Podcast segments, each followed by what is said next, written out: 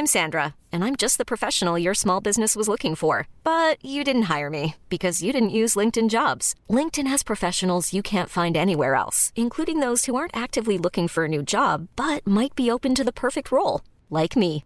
In a given month, over 70% of LinkedIn users don't visit other leading job sites. So if you're not looking on LinkedIn, you'll miss out on great candidates like Sandra. Start hiring professionals like a professional. Post your free job on linkedin.com/achieve today. Hei,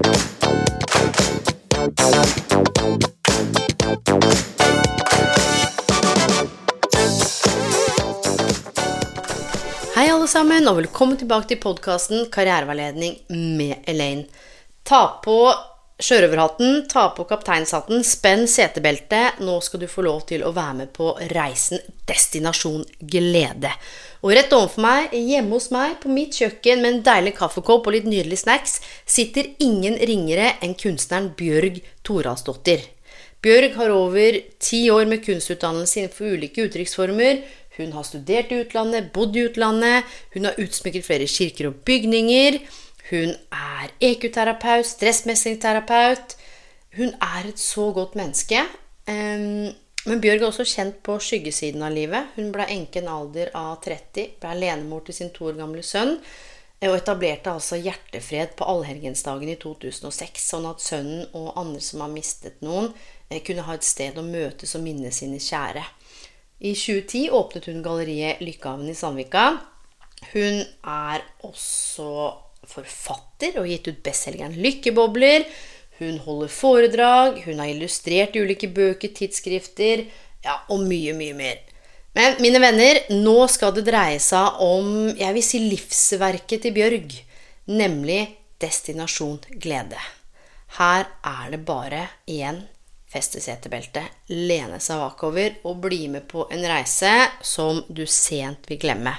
Så mine venner, nyt denne episoden. Bjørg Toralsdottir, velkommen!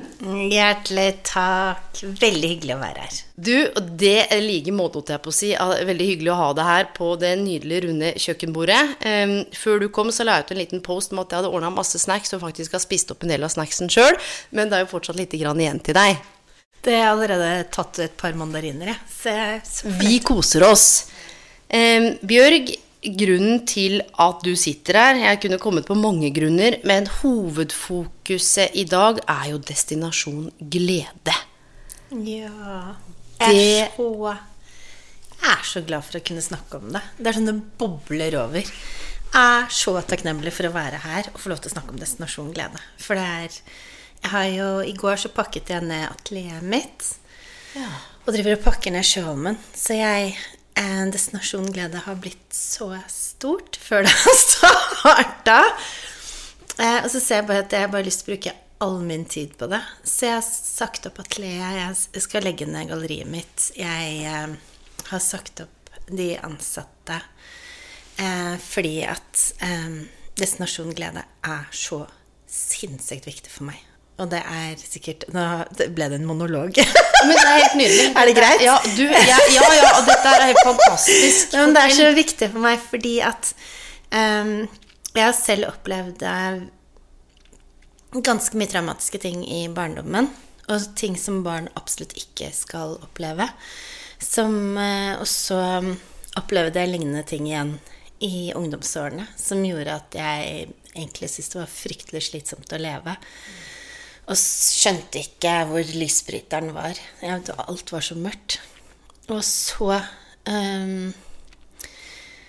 liksom gikk årene, og så møtte jeg mannen i mitt liv og fikk barn med han. Og da sønnen min var to, og han døde, og jeg ble enke i en alder av 30, så bare tenkte jeg orker ikke å være lei meg mer. Altså, jeg, jeg hadde brukt så mange året mitt på å være lei meg, så jeg tenkte bare det går rundt folk rundt som er glad, og så går det folk rundt som er triste. Hva er det de som går rundt og er glad? Hva er det de gjør?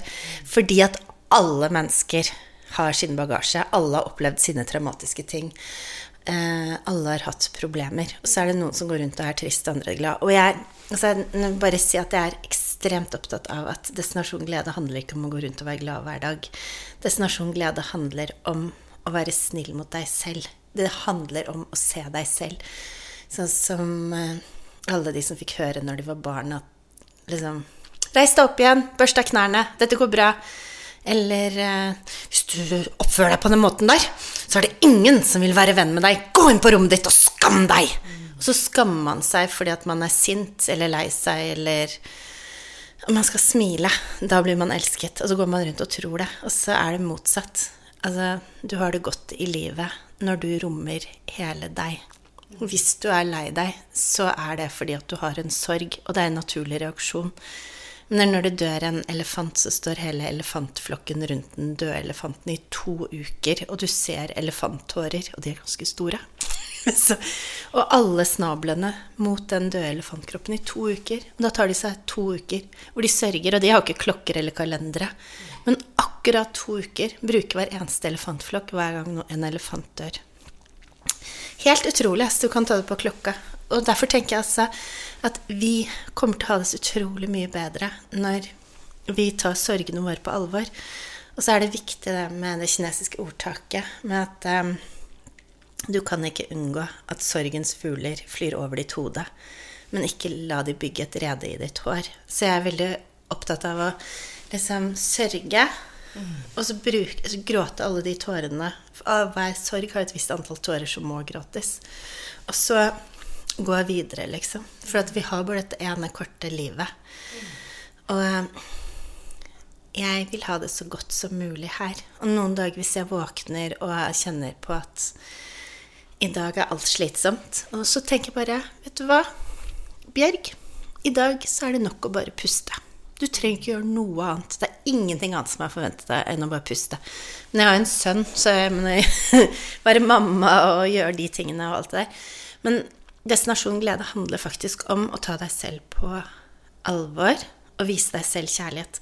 Det handler om at du tar vare på deg selv som om du var din egen datter. Så du liksom Når du ligger der i sengen og er kjempelei deg, og du hadde vært din egen mor, så spør du deg selv Hvis jeg hadde vært mammaen min nå, hva hadde jeg gjort da? Hadde jeg klappet meg selv over hodet? Hadde jeg tatt dyna litt godt rundt deg? Hadde jeg lagd en kopp te til deg? Hadde jeg kysset deg i pannen og sagt at jeg elsket deg? Ja. Det hadde jeg. Ikke sånn 'nå må jeg ta meg sammen', og 'alle andre er så vellykka'. Nei. Bare kjærlighet. Bare kjærlighet. Og da ser du jo på planter når de er litt sånn rufsetufsete. Hvis du bare tar bort de brune bladene, og så tar du litt ekstra gjødsel i vannet, og så snakker du litt med planten og vanner den og passer på at den får sollys, så ser du at den kommer seg, og vips vaps, så er den grønn og fin igjen. Men hvis du bare blir sur på den planta og putter den i et hjørne, så visner den enda mer. Og sånn er jo vi også. Og det er du som må vanne deg selv. For hvordan du snakker til deg selv Altså, den viktigste personen i ditt liv lytter jo til alt du sier. Og det er jo deg selv. Så det Altså, jeg gjennom en bok så tar jeg opp liksom negativt selvsnakk, alt. Så det er åtte forskjellige moduler som jeg vil at alle Eller som du går igjennom, da. For jeg ser for meg at det er ett Ok, er du klar? Jeg er klar. Jeg er klar. Du får ikke stilt et spørsmål engang! Men, det er bare, altså, men jeg er så takknemlig for at vi kan snakke om det. fordi det er ingen som har gjort noe lignende som det her før. Sånn at Folk skjønner ikke hva det er, og det er jo fordi ja, det er, det er det her. Ja, For det er umulig for folk å vite hva det er. Og, og bare skjønne kanskje ut av en post, eller, eller å lese det. For det er jo noe med sant, å få det formidla. Jeg tror det du er inne på nå litt sånn todelt i forhold til de som tenker glede og herregud og ikke sant. Ja, men eh, se på meg, og det er ikke så lett. Og det har kommet inn masse spørsmål også, som vi skal se på etterpå. Ja, hvordan kan man hjelpe noen til å bli glade hvis ikke de er klare for det? Ikke sant? Dette her er et tema, og hvorfor jeg er så glad for at du er her. Fordi dette her berører alle. Og når du begynner å snakke om det og beskrive det nå, så er det jo ikke eh, Jeg tror man stikker hull på en del myter om hva det kan være, skal være, bør være. Eh, og samtidig så tenker jeg det Når du snakker, så ser jeg jo masse glede. Som du sa, det bobler. Og det jeg har lyst til å bare spørre deg om før du på en måte går inn og forteller Hvis du liksom spoler tilbake 20 år, da, og du ser på hva du skaper nå, og hva du har skapt, og hvor du var for 20 år siden, hva har på en måte vært det største lærdommen for deg? for å kunne sitte her nå og utvikle destinasjon glede, og så liksom spole tilbake og se på alle de broene, alle de valgene, alle de veiskillene, all den lei seg, all den sorgen. Og så har du gjort noe med det og tatt noen grep som mange kanskje tenker på eller har lyst til, men som ja, man har ikke det. Hvor har du funnet den krafta?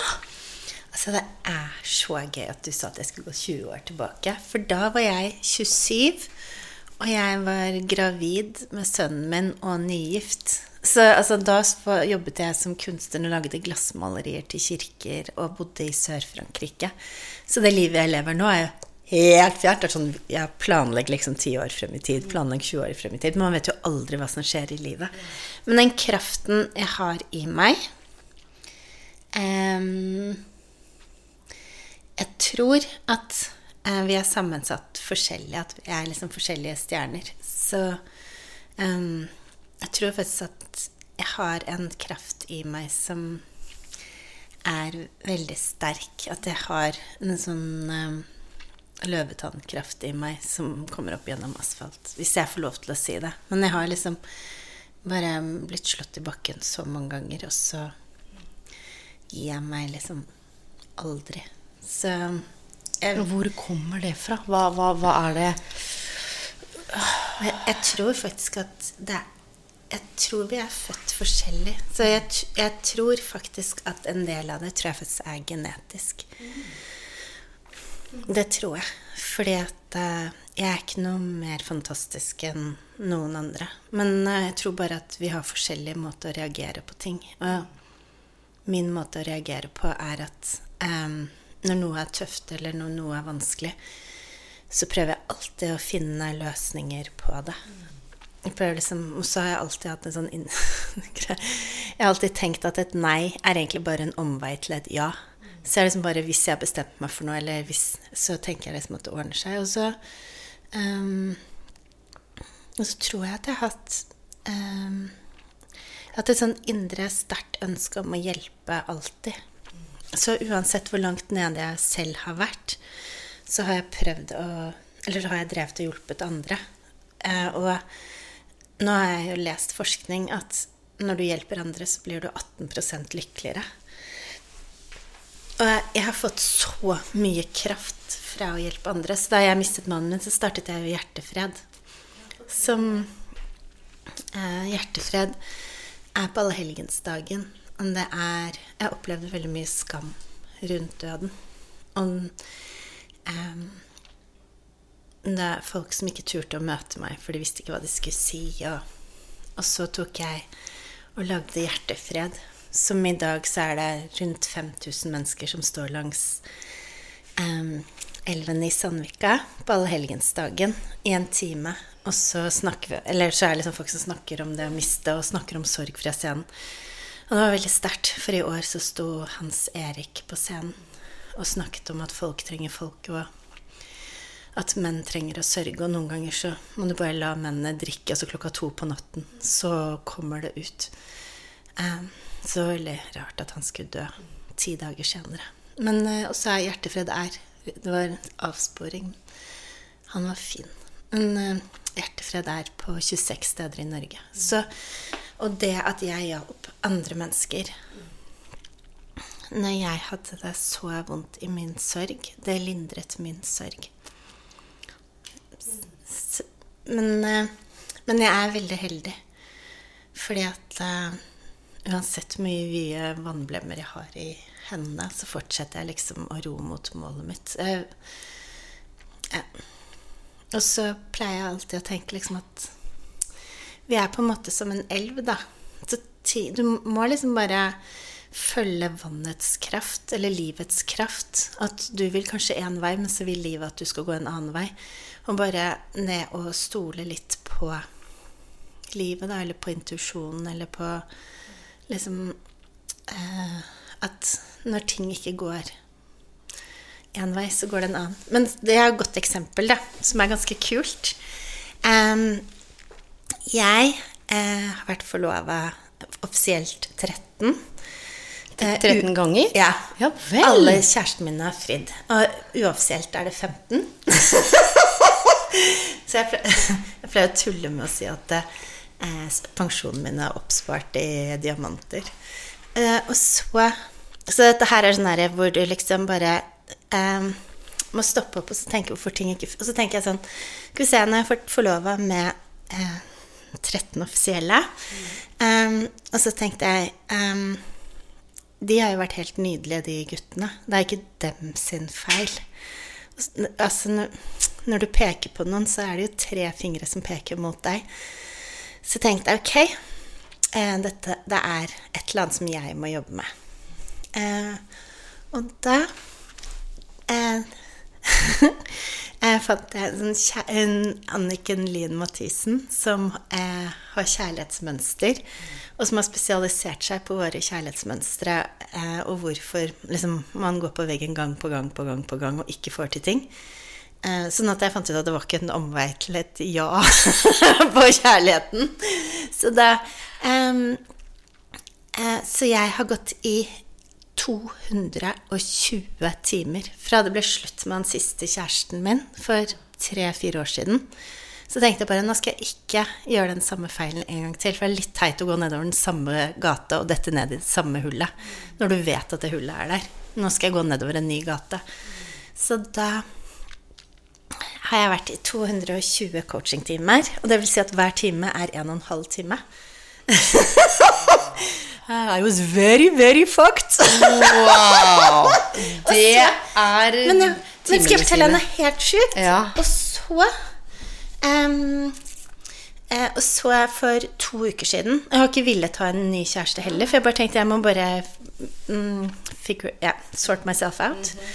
Og så eh, For to uker siden så gikk jeg på Tinder, og så møtte jeg en fyr. Og så Det er under to uker siden. I dag er det 13. desember. Jeg møtte han 1. desember. Og så i går så spurte jeg så, så er han så fin, så jeg spurte om han ville bli kjæresten min, og så sa han ja. så, så, så nå er jeg kjæreste. Men når man vet at man vil noe og er jobbet Men nå har jeg vært i de der 220 timene. Ja, og du, og de 220 timene, hva er det du møtte der? Altså sånn, for jeg tror alt det vi snakker om nå, det, det på en måte, apropos elven, alt dette her kommer til å flyte også til på en måte det store havet, destinasjon glede. Ja, og jeg må bare si at eh, jeg har gitt eh, hun eh, Vi skal gjennom kjærlighetsmønster en hel måned. Og jeg har arbeidsbøker, sånn, så Anniken er med en hel måned. For at det, det er noe av det viktigste av alt. Om du er i et forhold som funker kjempebra, eller Men altså, det, For det er ikke bare med kjæreste, det handler om liksom med venner, familie, alt. Og det er derfor det er så Men du, var ikke det gøy? Og så når jeg kjente bare Nå sitter det på plass. Og så klarte jeg å velge den som var riktig. Og han er helt annerledes enn alle de andre jeg har valgt før. Hva er det som er annerledes? Da? Men du er faktisk den første som får vite at jeg har fått kjæreste. Herregud, og i morgen så er det hele Norge! Jeg sendte melding til mamma og pappa og bare 'Jeg har fått kjæreste.' Og de bare 'Nei, så koselig, jenta'. sånn. Så Jeg tror- koselig. Gratulerer. Jeg tror pappa han var så opptatt da jeg var liten, Han var sånn 'Nei, jeg er ikke bra nok for deg, Bjørg. Jeg er ikke bra nok for deg.' Ingen var bra nok for eh, døtrene hans. Og så nå tror jeg han var så desperat at uansett hvem jeg hadde tatt med, så hadde han vært dritfornøyd. Men hva er det som er annerledes med dette, da? 220 halvannen timers sessioner. Blitt kjent med Men jeg må si en ting, at det er mange som prøver å finne Og dette er også gjennom Destinasjon Lykke, eller den filosofien Mm, min. At det er mange som prøver å finne lykken sin gjennom å pusse opp kjøkkenet og få nytt kjøkken til 400 000-500 000. Mm. Eller at de tror de blir lykkeligere med større pupper. Eller at de blir lykkeligere med at de drar på den reisen de skal dra på, eller at det blir lykkeligere hvis de kjøper en større, finere bil. Altså, de terapitimene jeg tok, koster jo like mye som en av de tingene. Men det har gitt meg en indre glede som varer hele livet, og som er konstant hver dag. Mens materiell glede, den eh, Du gleder deg akkurat akkurat i det du kjøper det, og når du får det, og så bitte lite grann etter det. Men så er jo vi psykologisk satt sammen sånn at eh, litt siden jeg har fått det, så vil du, ha noe, vil du ha noe mer. Og kanskje enda større, enda bedre. Så, og det er det destinasjon glede handler veldig mye om. Det handler om å gjøre det inside job. Jeg er så internasjonal, vet du. Må bruke sånne Ja, ja. engelske. Men du, det fine er jo at du har jo gjort Vet du hva forskjellen Sånn som jeg sitter overfor deg nå, og jeg, både jeg og du har jo møtt masse ulike mennesker gjennom vårt liv på ulike flater og former og fasonger. Og, men det er, så, det, det, det er noe sånn inni meg som ikke jeg kan forklare når jeg sitter overfor deg. Fordi det er forskjell på å lytte til noen og følge med på noen, eller som snakker om noe, eh, som forsøker å lære bort noe, og de som har gjort noe selv. Altså, ikke sant, som har stått i noe.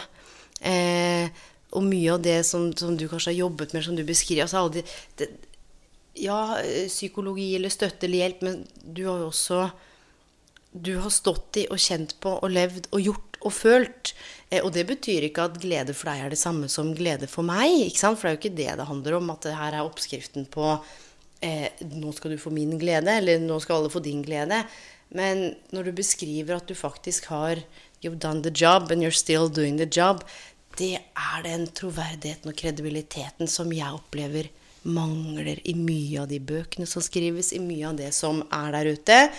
Hvor eh, folk gjør, ser ut som, men, men lever det ikke.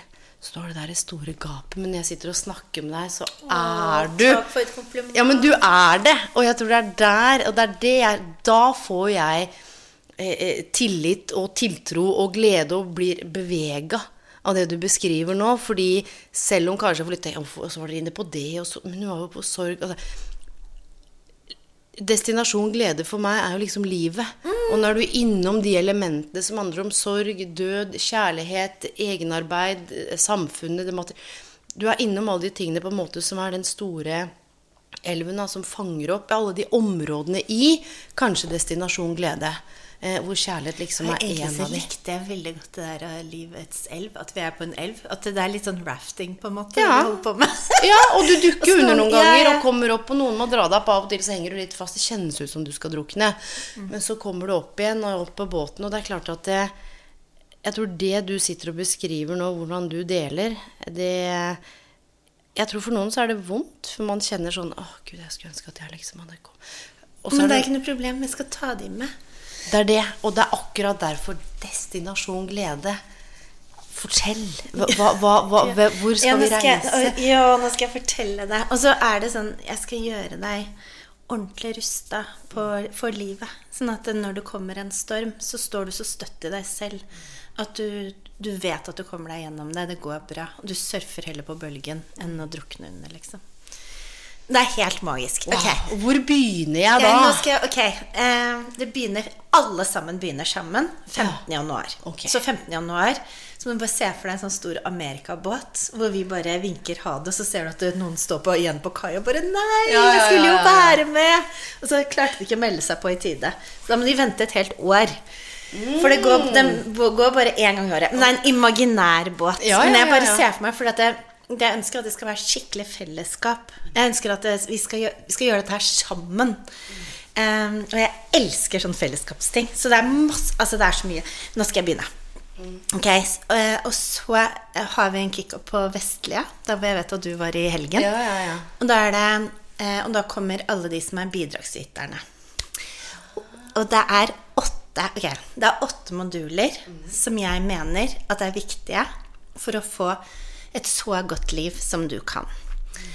Og jeg har jobbet med Destinasjon Glede i fem år. Det er vi. Og jeg har lest så mye, og jeg har snakket med så mange spennende mennesker, og jeg har fått med de beste på hvert fagfelt, syns jeg selv. Så vi begynner med egenkjærlighet, og da er det med eh, Jeg er utdanna EQ-terapeut og er stressmestringscoach, så jeg liksom bare starter, og så er det med Anniken, som jeg snakket om i sted. Og så er det med mammaen min, Heidis Palsdottir, som startet EQ-institutt sammen med storesøsteren min, Dora Toralsdottir. Og hun har jo Relasjonspodden. Så, hun- ja, og så, men eh, pluss at vi har eh, psykologer, vi har alle mulige andre som er med også i den biten. Og det er så Altså, jeg har hatt flere coacher og sånt som har lest, for at for hver modul så er det en arbeidsbok som er helt sjukt vakker. Nå har du sett Min tid. Ja, herre Altså, Den ser ut som min tid, bare at det er sånn så du fyller inn hver morgen og kveld. så fyller du inn, Og det tar bare altså, fem minutter. Men det er bare for å bevisstgjøre og sånn. Eh, sånn som det å skrive ned tre ting du er takknemlig for hver kveld om morgenen, gjør at du klarer å se det du har, istedenfor å drømme om det du ikke har. Sånn at du begynner å sette mer og mer pris på det du har. Og når du er lei deg eller redd, hvis du begynner å tenke på ting du er takknemlig for, så forsvinner de vonde følelsene. For takknemlighet er så stor følelse at um, den dytter ut de vonde følelsene. Det er helt magisk. Uh, men det er i hvert fall også så eh, Så da får du den boken, og så har vi lagd en egen digital plattform som minner egentlig litt om Facebook, men den er bare for Destinasjon Glede. Og bare for Destinasjon Glede-deltakerne. Og der legger jeg ut ting um, hver dag med videoer og inspirasjon og sånn. Pluss at det blir et skikkelig community der. Og jeg er så ivrig at jeg blir andpusten. Ja, det er, det er helt, men, når du, ja, men den ivrigheten du vet, jeg, jeg, jeg er med, men jeg er på en sånn reise, jeg nå. Ja, men Det var så fantastisk. Ja, Ja, det, og så tar vi alle de postnumrene som er i nærheten av hverandre, og lager kollokkegrupper. Sånn at nå er det jo korona, men det er sånn at det blir åtte-åtte på hver kollokkegruppe. Og da du velger om du vil være med på det, eller om du vil være lonely rider. Ja, ja, ja. Men jeg bare ser for altså det kommer til å bli så mange nye, vakre vennskap. Og så er det så sykt deilig å ha noen du kan snakke med om de tingene. Og så er det også så utrolig mye lettere å komme seg gjennom hele reisen når man gjør det sammen. Og så, så, da, um, så da har du liksom det, og så eh, for hver eneste modul Så den første modulen er egenkjærlighet og relasjoner. Så det går også på å lære seg å snakke konflikthemmende språk, som betyr at du kan be noen om å dra til helvete, og de gleder seg til tur. ja, ja, ja, ja. Som er sånn at du blir lettere for deg å sette grenser og ha det godt inni din egen kropp. Så, eh, så det er 66 dager, for det tar 66 dager å bygge nye nervebaner oppi hodet ditt. Eller ja, nye Og, eh, og da skjer ting automatisk etter hvert. Og det negative selvsnakket endrer seg til at du snakker fint til deg selv. Altså, etter de 66 dagene så kommer du til å merke en kjempeforskjell.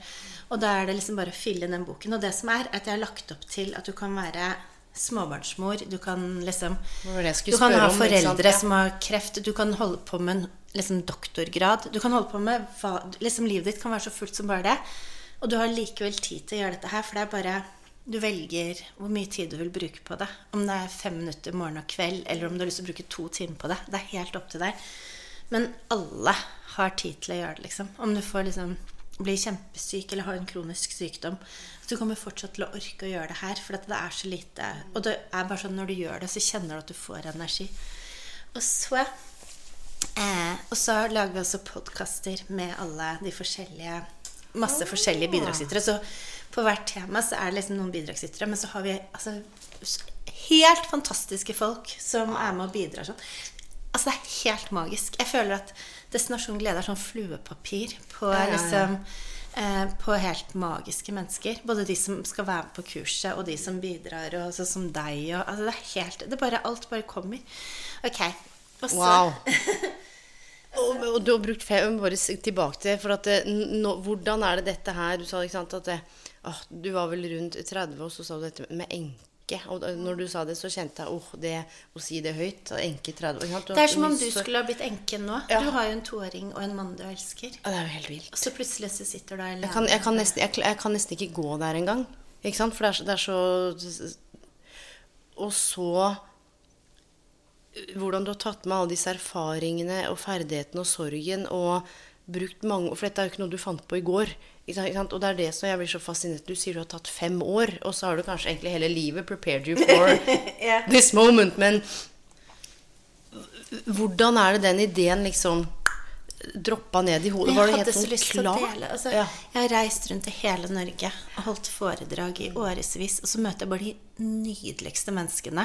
Og så klarer ikke de å se selv hvor nydelige de er. Altså, Helt utrolig. Altså, Du møter bare de vakreste, skjønneste sjelene som er så nydelige.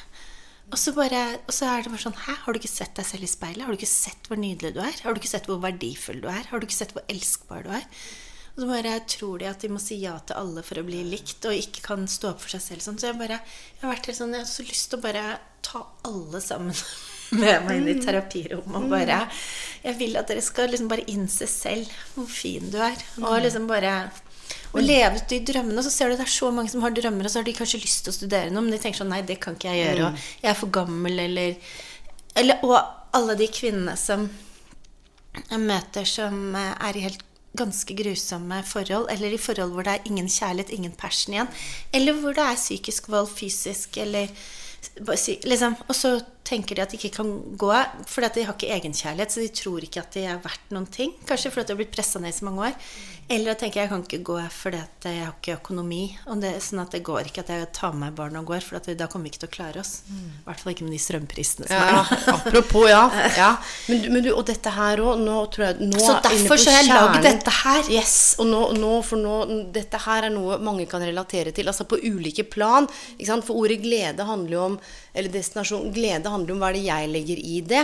Eh, og når du liksom nå kobler på alt det som fore, foregår rundt, så er det så, så stort og så mye også omfattende. Det er sånn body, mind, soul, serve. Det er alle disse ordene som, som dukker opp. Og så tenker jeg akkurat det du beskriver med hva man ofte kan se i møte med andre eh, som ikke de ser selv, og det gapet der mellom den verdien og den elskbarheten og hva man er verdt, og som du kanskje ser, som andre kanskje ikke ser i seg selv. Og så tenker jeg Da kommer vi heller ikke utenom bare nysgjerrig på hva du tenker om det, på, på påvirkningen samfunnet har på oss.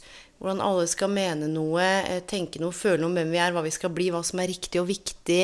Eh, hva man velger bevisst å ta inn, og ubevisst, av hvordan man skal se ut, oppføre seg. Ja, man bør jo bli.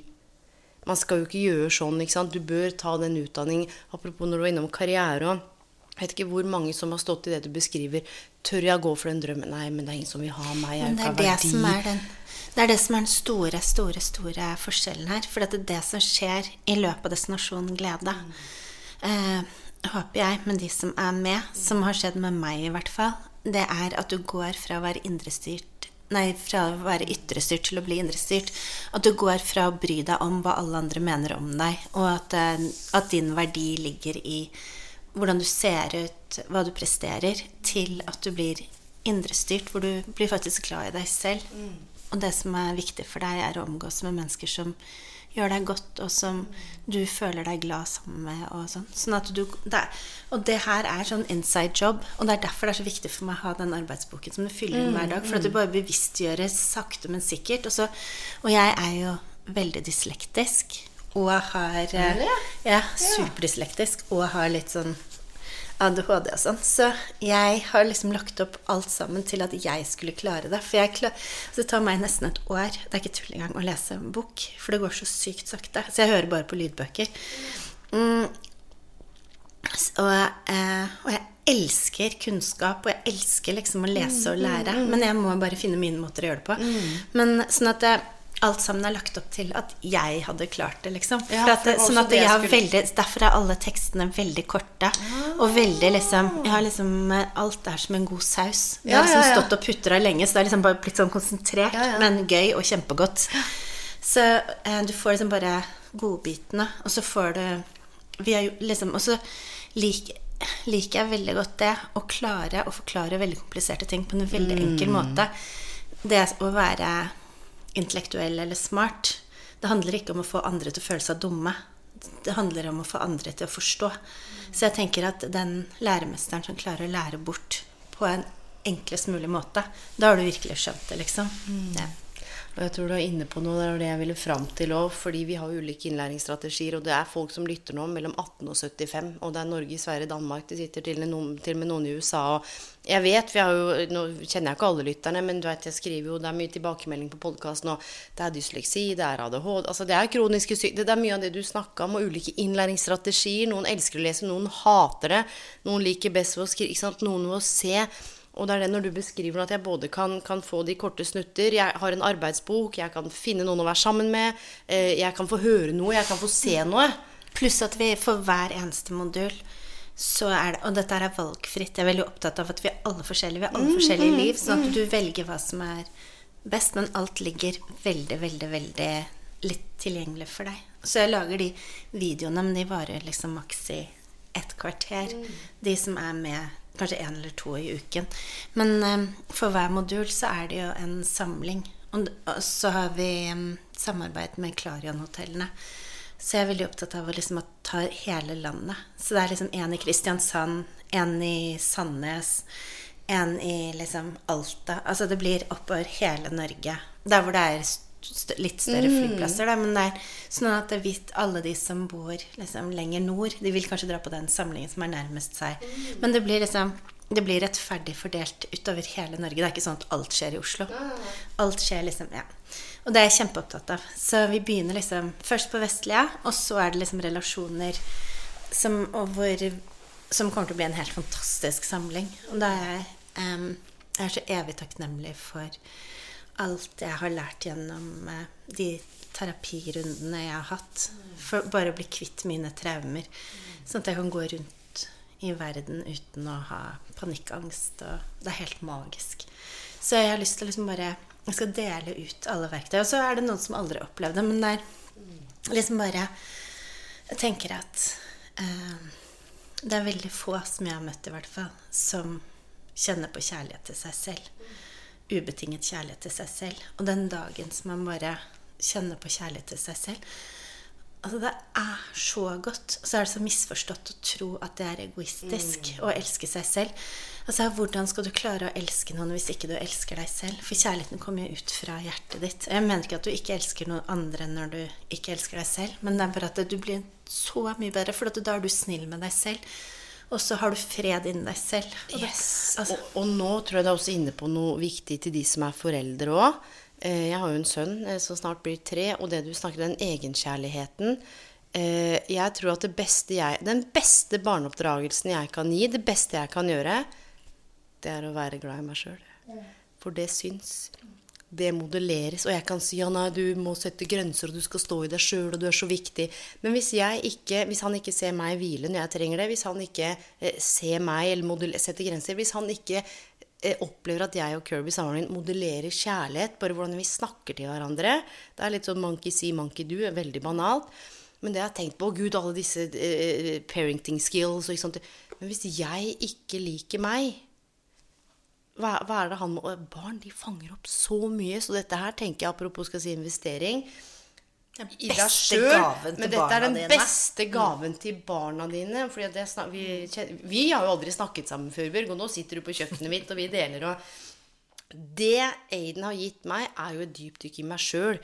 I mønstre, i mine ting. Eh, i det at ting som han vekker i meg, som jeg heldigvis har jobbet med og gjort så mange år, så har jeg klart å fange det opp og bli bevisst på at der trigger han et mønster. Å, spennende. Det handler jo ikke om han, det handler om meg. Og at han He's his own spirit.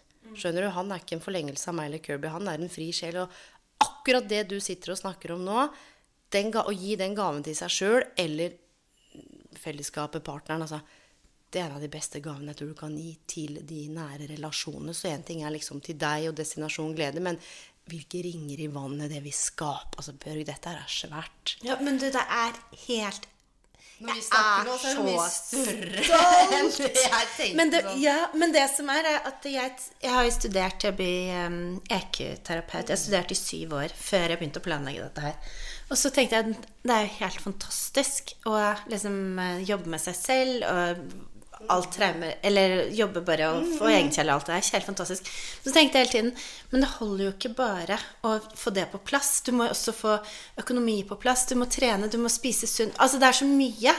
Det er en hel pakke som må på plass for å få et helt og godt og lykkelig menneske. Altså Uansett hvor mye mindfulness du gjør, hvis du har økonomiske problemer, så er du jo helt i ubalanse. Og derfor har jeg lagd Destinasjon glede. For det omfavner alt. Det er de åtte modulene. Så hvis jeg skal videre, så, ja, ja, ja, er, det, så er det etter um, at du har liksom fått egenkjærlighet sånn. Jeg ser for meg at vi liksom er på den kjempestore amerikabåten, og så seiler vi. For det er sånn skikkelig fellesskapsgreie. Um, så ser jeg for meg liksom at vi går til neste øy, og der uh, er det er det liksom uh, 66 dager med vaner. Og, og van, nå fikk jeg hikke.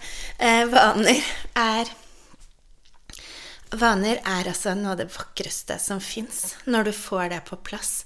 For det er egenkjærlighet i praksis. Altså, det er altså, For meg så er det natt og dag når jeg har oppdaget det med morgenrutiner eller vaner. Og kveldsvaner for meg selv. Altså, det var helt utrolig. Når jeg gjør mine kveldsrutiner Nå har jeg vært singel i fire år, som du vet. Så um, våkne opp neste morgen, og så føle at Jeg har den samme følelsen som jeg har når jeg er forelska.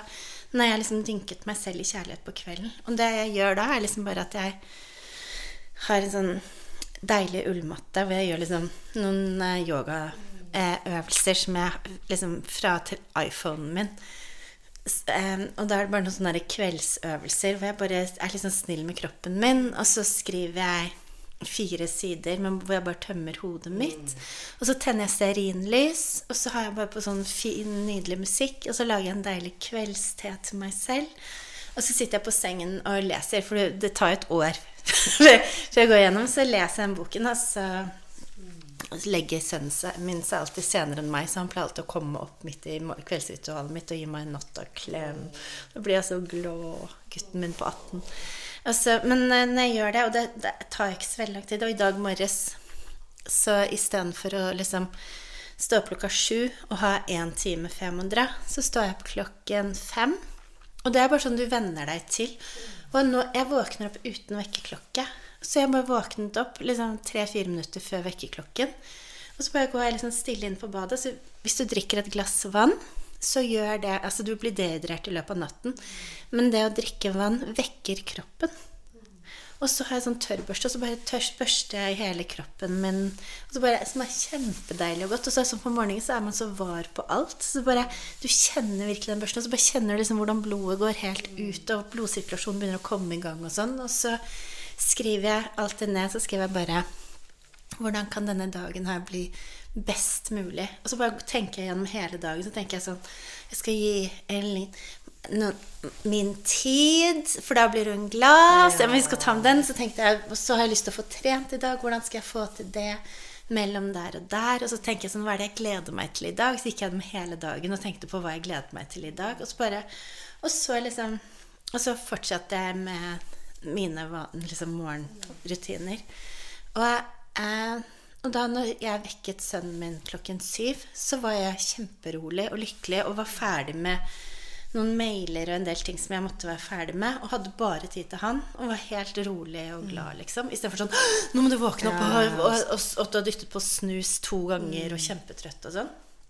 Så um, Men dette har vært en prosess for deg, ja, ikke altså det har vært en prosess, og det er fordi at jeg har vært selvdestruktiv. Jeg har, eh, jeg har ikke turt å vise sinne. Og sånn som sinne er en sånn ekstremt sterk kraft. Og når du vender den innover, så blir du jo deprimert og mørk og eh, Og det kan til og med føre til selvskading, liksom. Så eh, er, grunnen til at jeg gjør alt det her, er jo fordi at jeg kjenner skyggesiden av når du ikke gjør det. Og så blir det bare sånn derre Hallo! Det er jo så sjukt lett og deilig å gjøre det. Og det jeg har gjort, er at eh, når jeg skulle våkne tidligere For jeg er skikkelig B-menneske. Jeg er sånn super-B-menneske. Så eh, det er egentlig å våkne opp før det blir morgen. Nei da! For da er det fortsatt natt! Og jeg er nattemenneske!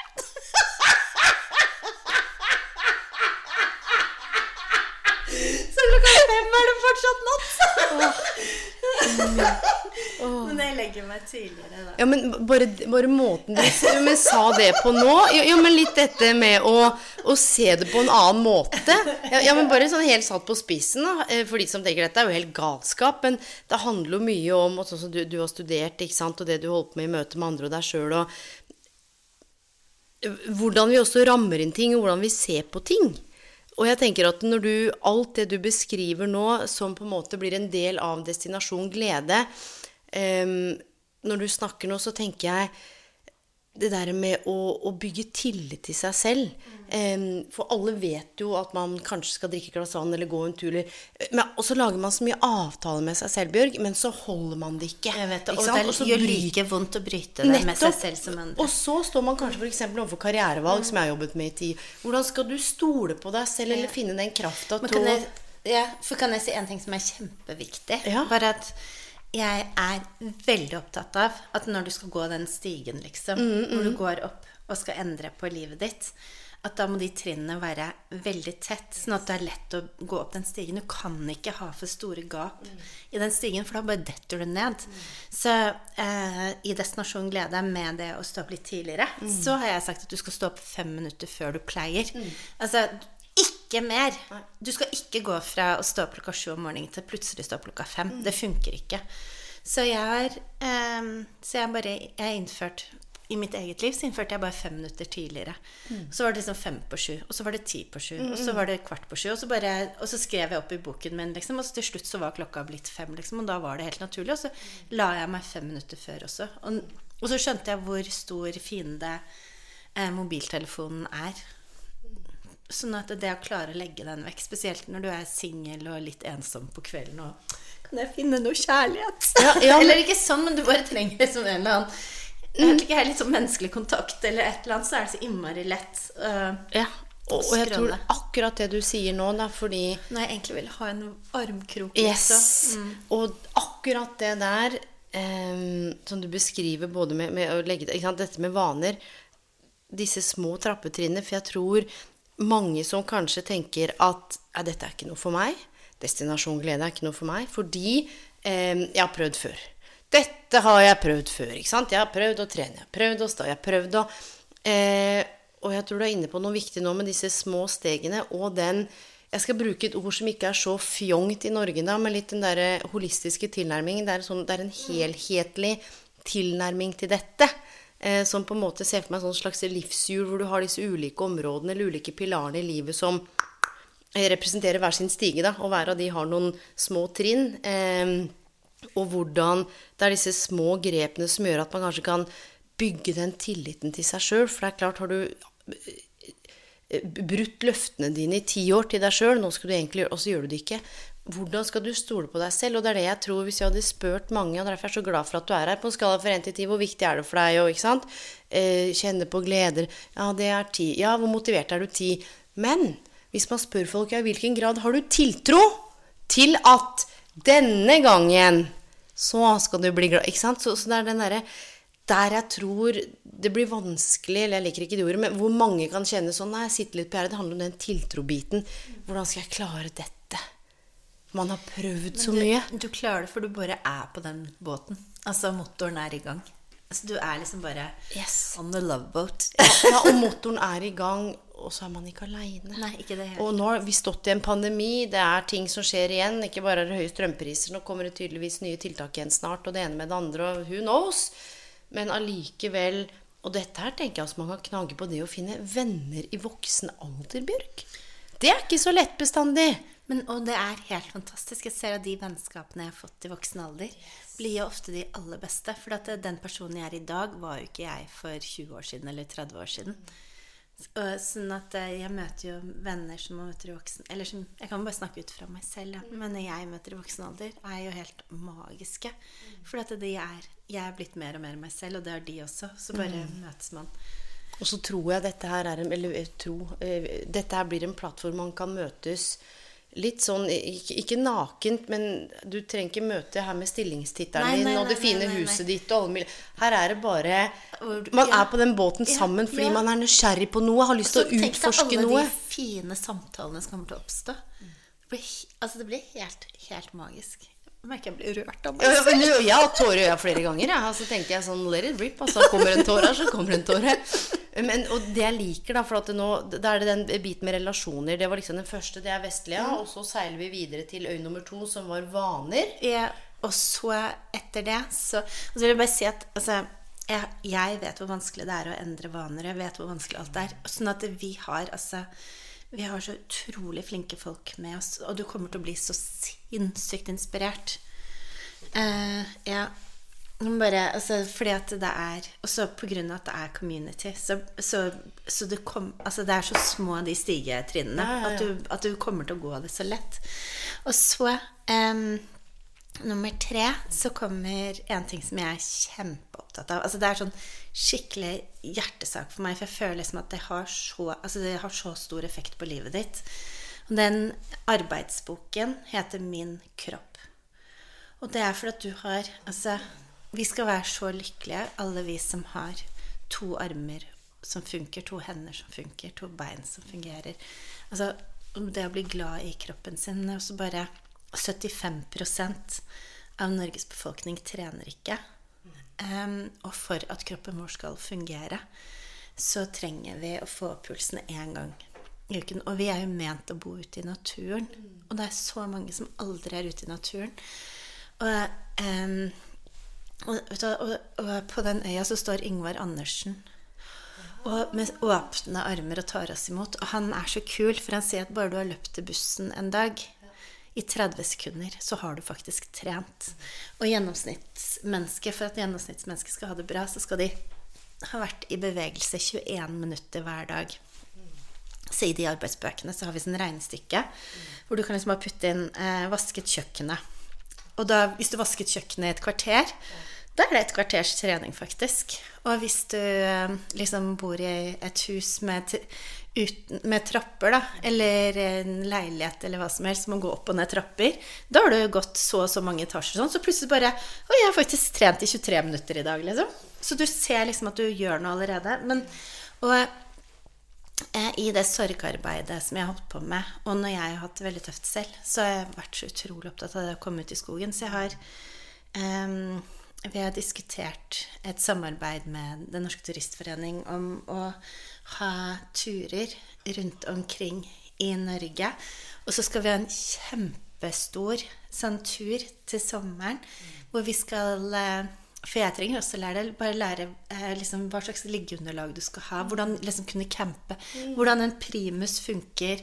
Hvordan lage god mat, liksom. Og så bare altså, det er, Jeg blir utrolig inspirert av de som virkelig kan det, og klarer liksom å gjøre en tur ut i skogen helt fantastisk. Og apropos sånn der økonomi og alt sånt, så tenker jeg liksom bare Det å ha en fantastisk tur ut i skogen, det kost, trenger ikke koste noen ting. Mens ehm, som det, ja, så kos trenger ikke å koste noe, pluss at det gir deg sjelen din. Og, ja, så, og, og så skal vi lage turgrupper rundt hele Norge. Sånn at det blir turlag, Destinasjon Glede turlag rundt hele Norge. Som du kan melde deg på. Sånn at det, sånn at det er organisert tur. Sånn at du vet liksom at du kan bare møte opp der og der. Og, så bare, og da er alle de andre gode på Destinasjon Glede òg. Så da kan man liksom bare snakke om det som er temaet nå og sånn. Og så har jeg snakket med Jack White, eller vi snakker sammen. Og han eh, skal trene opp meg og de som har lyst til å være med på det, til å kunne løpe enten Oslo Harmaraton eller maraton. Så er ikke det kult? det er- Så jeg har faktisk en venninne som har bare én lunge. Eller hun har én punktert lunge, og så har hun én lunge som funker. Og hun har, det er hennes mål er at hun skal løpe halvmaraton med meg. Og, og altså, men det er, det er det er så utrolig gøy, for Jack Weitz, altså mannen til Grete Weitz, som trente Grete til å bli verdens beste det er, han, er, han, han fikk helt tårer i øynene så, for at han har drømt om å kunne gjøre noe sånt. Så um, vi driver nå og jobber med at det skal bli sånne løpegrupper rundt i hele Norge også, så man kan melde seg på. Og så har vi som mål at uh, alle vi i Destinasjon Glede liksom løper halvmaraton sammen. Og så snakket han om at kanskje vi kunne få til noen plasser i New York Marathon. Men det er bare så gøy, for det er et ordentlig mål. Og så jobber vi sammen. Alt sammen er Jeg tror det vi alle er samlet i koronatiden, er fellesskapet. Og jeg Og det som er Og med Yngvar, så i den perioden og resten av året, så kommer vi til å ha sånn live eh, trening. Og han har jo sånn greie sånn at alle de som har lyst til å trene Så det blir tre ganger i uken. Så trener jeg med Ingvar, og da blir det enten så blir det liksom styrke eller yoga eller hva det blir. Eh, og så har han sånn at man logger seg på, og da ser jeg deg. Og så Eh, så, og så ser jeg alle de forskjellige, så bare Elaine, kjempebra jobba! Og så og så ser du bare Å, Gunn fra Harstad! Kjempebra! Og så bare Sånn at du Wow. ser liksom alle sammen som trener, sånn at vi får liksom opp alle på skjermen. Og da kan vi være med deg når du trener? Ja, ja, måte, så da trener vi Så da får vi liksom øvd oss opp i å trene. Og så er Yngvar så utrolig dyktig. Så han kan gjøre en øvelse på åtte forskjellige måter. Så hvis du er eh, Hvis du er liksom ut, eller svak, Mm, gjø- så han er sånn Du kan gjøre den øvelsen sånn, og så gjør den, liksom viser Ja, han hvordan man kan gjøre den gradvis mer og mer. Sånn at det, de som allerede trener masse, kommer til å få mye ut av det. Og de som ikke trener, kommer til å få mye ut av det. Du har tenkt på alt, du. Altså, ja, men, og da mener jeg for alle. Ja. Altså, dette er ikke noe men det, og det er det jeg er så opptatt av. At vi er alle forskjellige. Vi har Mm. alle forskjellige liv. Og eh, det er noen som har kroniske sykdommer, det er noen som har nakkerygg altså, det, er alle, det er noen som ikke har tid. Det noen, altså, det er, så derfor så har jeg bare tenkt at jeg må bare lage det sånn at alle kan bare velge det som passer til deres liv. For alle mennesker er forskjellige, alle har forskjellige behov. Alle har forskjellige liv. Liksom, ja, alle har forskjellige interesser. Men jeg gleder meg sjukt mye til den samlingen vi skal ha på trening, for da skal du få liksom bare prøve alt du noen gang har drømt om. Om det er liksom eh, alt fra hvis du vil prøve fjellklatring til liksom å danse afrikansk dans til synkronsvømming til liksom Ja, ja, ja. Men det blir så gøy. Så der skal vi bare liksom alle mulige idretter og alt. Og så gleder jeg meg utrolig mye til de løpegruppene. Og jeg, jeg er sånn som eh, aldri trodde at jeg kom til å elske å løpe. Men jeg elsker, elsker det. Elsker det. Altså du får sånn eh, endorfinrus som er bare helt magisk. Så jeg, har fått, jeg, løper, jeg er ute og løper hver dag nå i 30-40 minutter. Og det går så fort. Eller det er ikke sånn at jeg løper så fort, men det, men det er liksom så fort gjort. Det er bare å ta på seg skoene og så ut, og så kommer du tilbake, og så er jeg så sykt stolt av meg selv. Og, det, og jeg tror det er der Når du snakker om For nå er det ikke sant Det er relasjoner, det er vaner, trening og det der å være stolt av seg sjøl. Det apropos hva En ting er hva vi sier, men også hva andre Når du møter noen som er stolt av seg sjøl, når du møter noen som er glad i seg sjøl, som har litt den indrestyrte, altså, som du beskriver, sånn som vi sitter og snakker nå Det skjer jo også noe med meg ja, Alt trenger ikke være på stell bestandig, men det er klart det skjer jo noe med meg i møte med deg som har done the work. Og som er sti, ikke sant? Det blir jo en annen form for samtale. Det blir et annet rom for Det blir et annet møte, da. Enn at to statuser eller to fasader skal møtes. Og det er det jeg tror litt sånn Ned med fasaden, kom som du er, småbarn altså, alt Du har liksom tenkt at her er det noe for alle, men på sin måte. Men virkelig, altså. Og det er det også for det neste etter trening, så jeg tenkt da er det innmari lett å eh, få å ville spise mat som er bra for kroppen din. Når du begynner å trene, så har du ikke så lyst på du har, du har ikke så lyst på usunn mat lenger. Altså Du får mer lyst på sunn mat. Helt naturlig, liksom. Eller du får mer lyst på den maten som kroppen trenger, da, for å si det sånn.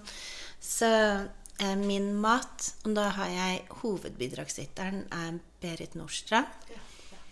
Og det jeg elsker med Berit, er at vi skal ikke ha noe omstart. Eller, det kommer til å være superlett, liksom. Og jeg er veldig opptatt av at det skal være gjennomførbart. Så jeg er veldig opptatt av at dette her er ikke en fulltidsstudie. Dette her er bare noe du gjør litt hver dag. Og når du tar små skritt hver dag, så går det jo i riktig retning. Så vi bare tar bitte, bitte, bitte, bitte små skritt. Men det er sånn som med Berit sin del som jeg liker, er bare at hun sier liksom eh, Sukker er liksom Det dreper tarmbakterier, og det skaper masse betennelse i kroppen. Og det vet jo jeg, for jeg hadde masse betennelser i kroppen. Sluttet å spise sukker. Eh, og så forsvant Altså, jeg klarte ikke å tegne med armen min, for jeg hadde så mye betennelse. Så kuttet ut sukker. Og så ble armen bra igjen. Det er ikke noe hokus pokus. Det er liksom bare at vi er Altså, det du putter i kroppen, blir jeg.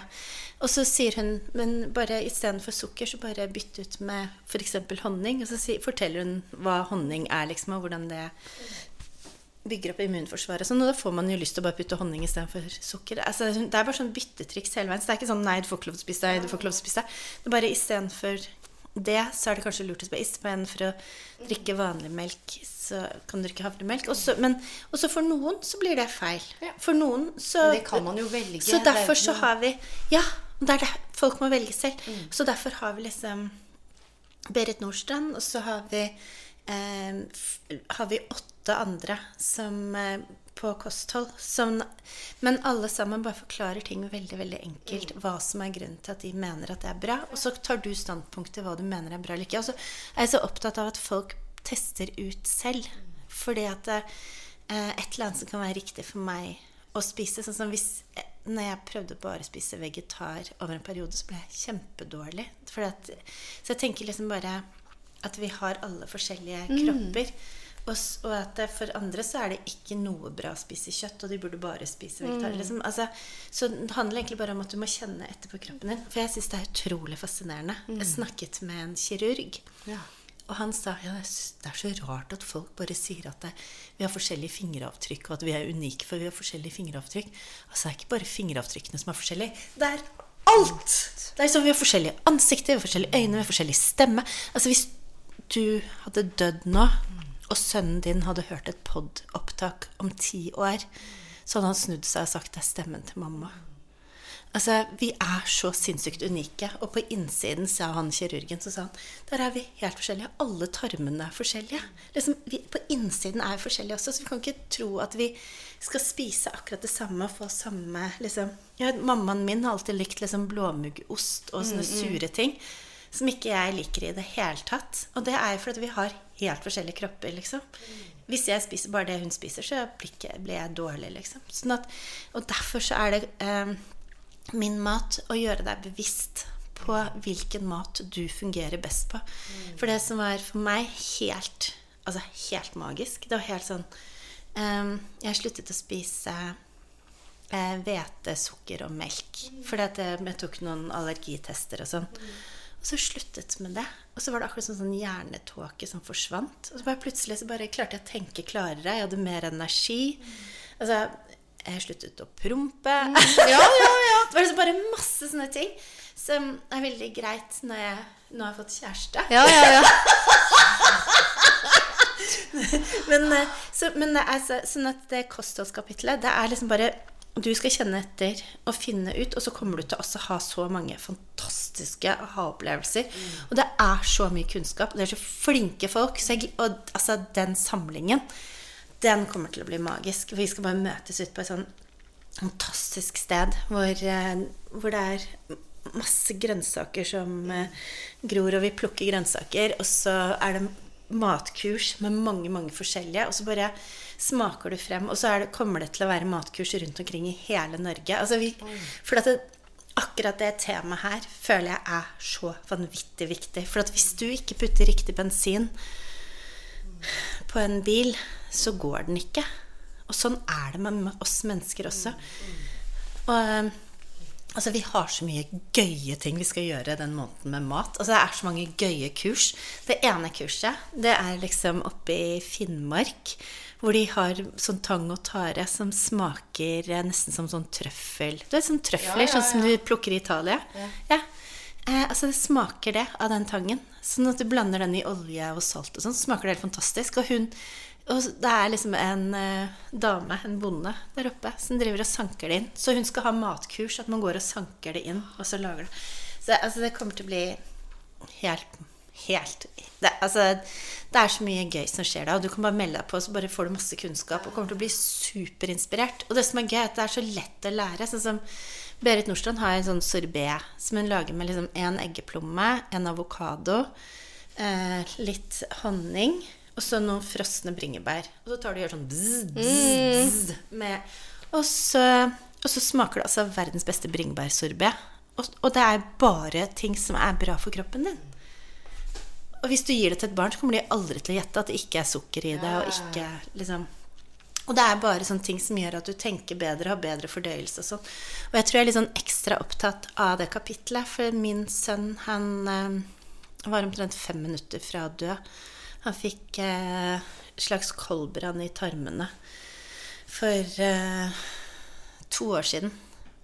Så da Eller han, ja, han var 15, så det var to og et halvt år siden.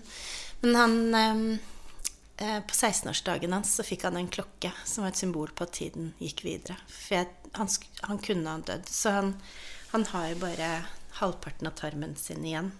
Han, og det jeg har sett hvor, når han har en såpass kort tarm Det å se Eller han har ikke utlagt tarm eller noe, altså. Han har et stort arr på magen, det er det. Men når jeg ser, så, siden han har mye kortere tarm, så ser jeg så utrolig stor forskjell på han når han spiser næringsrik, god mat. Sånn som hvis jeg lager kraft til han.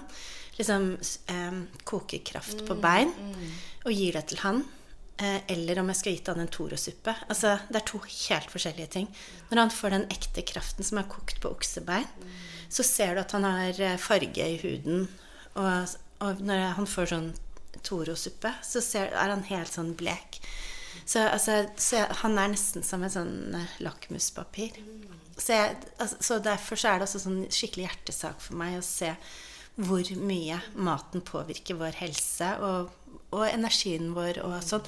Du kan ikke klage og si å, jeg har så lite energi nå, sånt, men se på hva du spiser.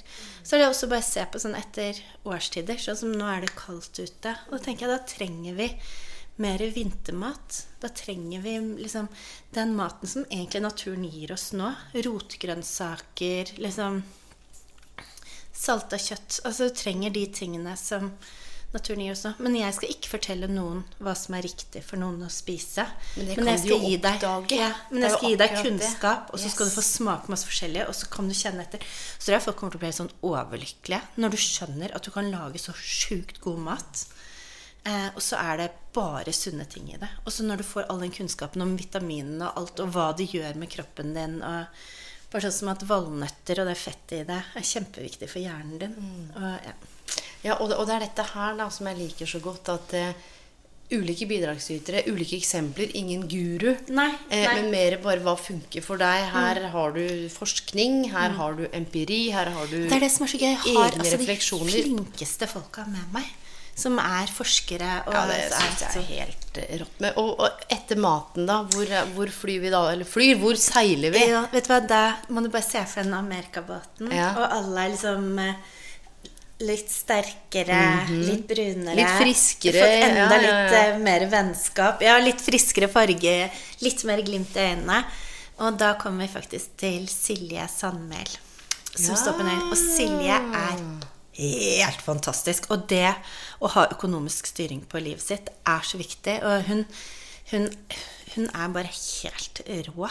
Og hun er så opptatt av å få vekk skammen rundt sånn økonomisk skam.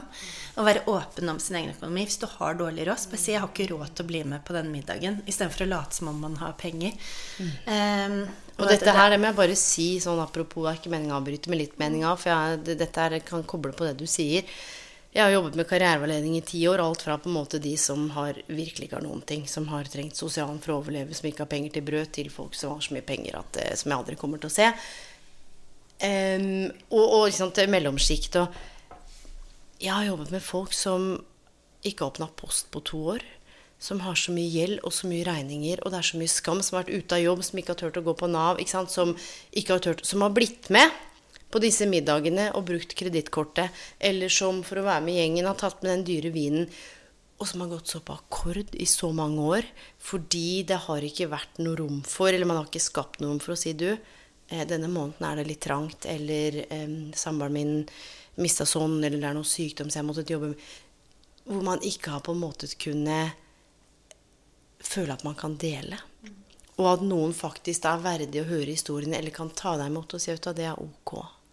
Eh, og uten at man, sånn som han ene sa alt, rundt har liksom bare pga. på grunn av det økonomiske. Så den pilaren her Altså, det er, så viktig. Men det er også må jeg bare fortelle noe som er sjukt kult. Altså, Silje er altså den råeste. Og hennes livs Hva skal jeg kalle det? Hennes livsmål, liksom. Det er å hjelpe mennesker. Hun, er, altså, hun har et hjerte av gull. Hun, hun er bare en så sinnssykt bra dame. Og hun, så vi har lagd altså, en arbeidsbok vi har, Du får to arbeidsbøker til den økonomiske delen. Så den ene arbeidsboken, den er um, sånn hvor du kan rive ut sidene. At det er kontrakter. Så det er liksom testamentet. Sånn at det eneste du trenger å gjøre, er bare å fylle det inn. Og, så, og alt som du skal liksom sende inn til eh, til kommunen eller til namsmannen og sånn. Alt sammen er eh, Alt er klart. Så du, bare, du bare fyller inn, river det ut og sender det. Så altså, Hun har gjort det så enkelt. Og så har hun skrevet eh, e-posten klar. Som du sender, skal sende til eh, forsikringsselskapet ditt for å få bedre forsikring. Til banken din, til strømleverandøren, til alt. Så har hun skrevet ferdig mailen. Så du bare sender alt av gårde. Så, altså, du bare dytter på send. Hun er eh, hun, ja.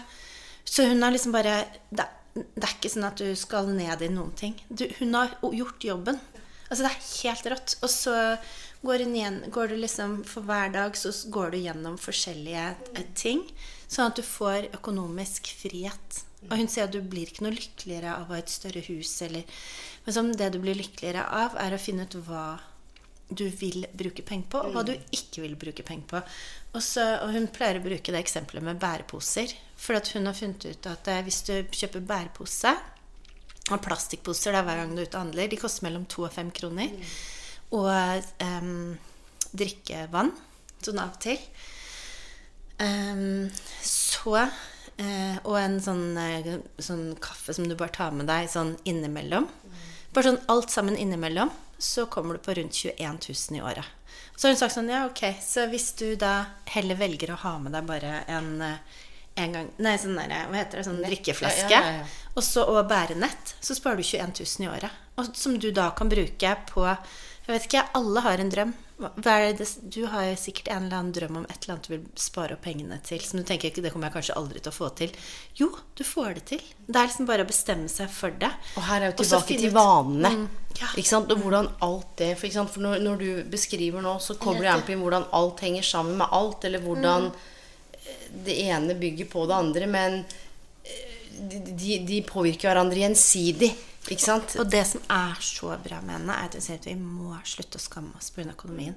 Og folk er sånn 'Å, har du klart å bruke så mye kredittkort? Du er så tjukk i huet.' Altså, hun klikker hvis noen sier det. Fordi at det er ingen økonomisk opplæring på skolen. Vi lærer algebra, liksom. Sånn at hun Hun, altså hun, har aller, hun er så ivrig at hun har skrevet opp alt vi skal gjøre. Hun er bare Alt er liksom klart. Og, Så det er en egen en på økonomi. Ja, og det har jeg ikke sett noen gang før, tror jeg. På noe, på noe som, som dra, Altså Nei, og det er så viktig. Er så viktig. Og hvis du skal klare å oppnå alle målene som eh, For meg da, så har det vært kjempeviktig å ta de 220 timene. For at jeg vet at jeg ville aldri endt opp i et forhold hvor jeg hadde blitt lykkelig fordi at jeg valgte hele tiden feil, fordi at jeg ikke hadde orden på mitt kjærlighetsmønster. Så det å bruke like mye som andre bruker på en bil, på meg selv De pengene måtte jeg jo ta fra et eller annet sted. Så liksom bare det å bli bevisst da, på eh, Og da kan du liksom, hvis du sparer de 21 000 på poser og sånn, så kanskje du har råd til ja.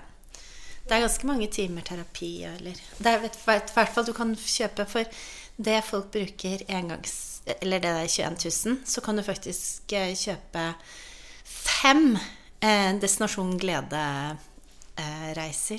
Du kan betale for, for deg selv og fire venninner, liksom. For det koster 4000 i året. Litt over 4000 i året. Det er, fire, ja, det er ingenting! Det koster 400 kroner i måneden. Jeg vil at alle skal ha råd til å gjøre det. 400 kroner i måneden, og det er inkludert arbeidsboken. Den der, eh, digitale, ja, community, den digitale plattformen, podder, videoer, alt. Det eneste som kommer utenom, er jo de reisene. Men det er jo valgfritt, for jeg vet at det er noen som vil møtes, andre vil ikke. Men det er helt sinnssykt, liksom. 400 kroner i måneden. Så hvis du dropper de plastposene og engangsflaskene Det er ikke så mange sånne take away-kaffer. Og, og det er akkurat det jeg tror Det er åtte take away-kaffer, liksom. Og det er det når man begynner å sammenligne ting To take away-kaffer i uka. Ja, ja. Sorry. Nei, nei, men dette her er jo bare en, en måned til. Og så er det 15. Januar. Ja, det er jo én måned Ja, og to er det dager, det. Mm. Så det er klart eh, Man må bare melde seg på. Men bare å se på forbruket, den, hva, hva man, ikke sant? I jula, og så tenker jeg sånn Dette med overforbruk og mat i kjøleskapet. I går så var det noe med å kaste mat. Mm. Eh, og, og Altså, det er 400 kroner. Det, altså, du får ikke en pose på Rimi engang for det. Wow. Jeg vet det, men det er veldig viktig for meg. Dette er mitt Men jeg ser det. Jeg ser det når du snakker. Jeg vil bare at alle skal få det bra. Og jeg vet hvordan Eller jeg, jeg vil i hvert fall dele hvordan jeg har gjort det. Og jeg, altså, jeg er helt overbevist om at de som er med, kommer til å bli lykkeligere. For det jeg har lært, det er at 50 av hvordan vi er, sånn, om vi ser glasset halvfullt eller halvtomt, det er genetisk. Og så er det bare 10% som er det Instagram-perfekte. Det er bare 10% av hvordan du ser ut, hva du eier, og hvilken bil du kjører, eller om du tar bussen. Liksom, det, det er bare 10% Og så er hele 40% er tillært.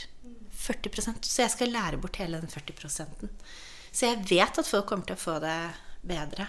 Hvis de følger opplegget og er med og er motivert, liksom. Så er det Ja, så det er min gave til verden.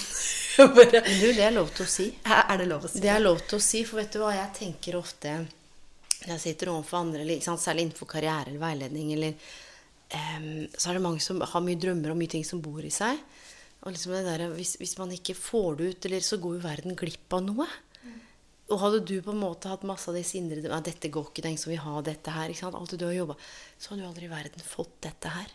Som, altså, du har skapt noe som ikke eksisterer. Som aldri er kommer til å eksistere på samme måte. Og det er sånn som jeg blir helt sånn mindblown av. Altså snakke om fotavtrykk, men bare Dette har aldri blitt gjort før.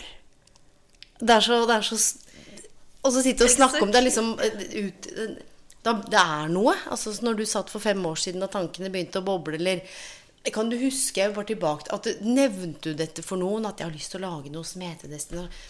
Kanskje ikke men nevnte du det for noen? Og er det noen på din reise eller på din vei de siste ti årene som har sagt om Bjørg, ro deg ned litt, da. Dette her er litt sånn ikke, Vi gjør ikke Nei, det går ikke. jeg er veldig heldig, da. For jeg har, valgt, jeg har bare valgt mennesker rundt meg som heier på meg. Men uh, for tre år siden så hadde jeg en prøvegruppe. Med, da hadde jeg med meg tolv stykker. Og så kjørte jeg hele det opplegget her på tolv stykker i ett år. Men jeg så for meg da jeg startet det, nå var jo før eh, pandemien, og da så jeg for meg at vi skulle møtes fysisk hver måned. Og så så jeg for meg at vi kanskje var 30 stykker. som møttes liksom fysisk en gang i måneden og hadde foredrag og alt sånn. Og da, så vi gjorde det liksom i ett år. Og de tolv som var med, sa alle sammen at de fikk et forbedret liv. Og at det gjorde kjempemye for dem. Så jeg har jo prøvd ut opplegget. Men siden da så har det liksom bare vokst og blitt større og større. Og, og jeg også bare For jeg, det jeg er så opptatt av, er at det er så utrolig lett å dette av hesten når man skal gjøre endringer. Så jeg har drevet og virkelig jobbe hardt for å finne ut hva hvordan knekke den koden til hvordan man kan gjøre det gjennomførbart. Og en av de tingene som har inspirert meg, er Grete Rode-kursene. Hvor helt random eh, damer og menn møtes på en barnehage eller i en leilighet eller et eller annet sted en gang i uken og veier seg. Og det har vært, hatt sånn supersuksess. Liksom, det er så mange som har klart å gjennomføre. Og da har jeg tenkt, hva er det de har gjort? Og det er akkurat det der fellesskapet. Du tar ikke den kakebiten, for du vet at du skal på den vekta, og du vet at det er noen som kommer til å se på den vekta, liksom. Du gjør det ikke for deg selv. Ja. Men uh, i hvert fall, når vi er ferdig Ja, det er helt magisk. Altså, når vi er ferdig med økono det økonomiske Det syns jeg er så hyggelig at du liker det så godt. Ja, og det er derfor jeg stiller spørsmål nå og blir nysgjerrig. Og, og liksom eh, Ting blir så mye klarere når du beskriver hvor gjennomtenkt det er med disse om, ulike områdene. Man skal ikke bare sprette rundt, og så er det glede. Det, det er så Pluss at jeg har ingen fasit på din glede. Nei. Jeg bare legger til rette for mange forskjellige ting. Og så er det du som Det er bare du inni deg som vet hva som er din fasit, og hva som er riktig for deg. Men du blir altså Det er så lett, for du blir bare geleida. Ja, ja. Og, liksom, og så kan du diskutere med alle de andre hva som funker for deg, og hva som ikke funker. Og sånt, sånn at du blir liksom eh, Og så, når vi er ferdig med eh, Silje, økonomien. Silje, Ja. ja, så kommer eh, kanskje den viktigste delen for meg, det, og det er hjertesak. Og det er, sånn som jeg sa innledningsvis, at du blir 18% lykkeligere av å gjøre. Altså, givers high, alle har hørt om den, at når du liksom gjør noe for andre, så ser du at de blir kjempeglade. Og um, jeg har lest noen eh, undersøkelser som akkurat, eller forskning nå, som viste at eh, det var 95% ble gladere av å gi enn å få. Ja. Eh, sånn at eh, Altså, jeg gleder meg så fælt til den delen. Nå skal jeg bare introdusere alle de fantastiske organisasjonene som fins, som vi ikke vet om. Og så finner du ut hva som du vil gjøre. Og det er altså forskning All forskning viser at når du gjør det, så, så livet ditt blir meningsfylt. Du endrer andres liv ved å liksom eh, ved at du gjør det du gjør, så gjør du andres liv bedre. Det er jo helt magisk. Så om det er liksom at du går norske stier og maler røde T-er, eller om det er det at du bestemmer deg for å ta vare på den gamle enka som bor nedi gaten din, og at hun kommer på middag til deg en gang i uken, eller om du velger å bli et fosterhjem, eller altså Du må finne din hjertesak. Eller om du vil liksom inn i et miljøparti. Eller, ikke- ja, eller ikke Ja. par- miljøparti, men en miljøorganisasjon. Men at du liksom, eller om du er redd for at en eller annen, et eller annet dyr skal utryddes, og at du putter all din energi i det. Altså, det er opp til deg, men det er helt, helt magisk. Og det som på hjertesak, så syns jeg det er veldig kult. For jeg har jo hjertefred. Så da, eh, for de som vil, kan være med også på det, bare for å se, liksom For det, den der gruppen rundt Hjertefred, det er bare den frivillighetsgruppen. altså Det gir så mye energi med alle de fine, nydelige menneskene som gir masse av sin egen tid for å hjelpe andre. Og så eh, har jeg Jeg har startet, vært med på å starte en del skoler i Uganda og Gambia og Kenya, og så driver jeg med sånn eh, driver jeg og kjøper kaffe, og som blir solgt på Jernia og sånn, som, eh, hvor vi kjøper direkte fra kaffebonden, sånn at han får ordentlig godt betalt, så han Ja, har råd til å sende barna sine på skolen og ting som egentlig burde vært helt selvsagt. Men sånn som det er nå, så jobber de nesten som slaver. Så det er et kjempestort prosjekt som jeg gjør sammen med Semo. Så det jeg har tenkt å gjøre, det er å lage turer for de som vil. Og hvis liksom eh, pandemien tillater det, så har jeg lyst til å lage turer ned til Gambia. hvor jeg startet en eh, kunstskole sa, sammen med en venninne av meg der nede som heter Linda, som har Footsteps.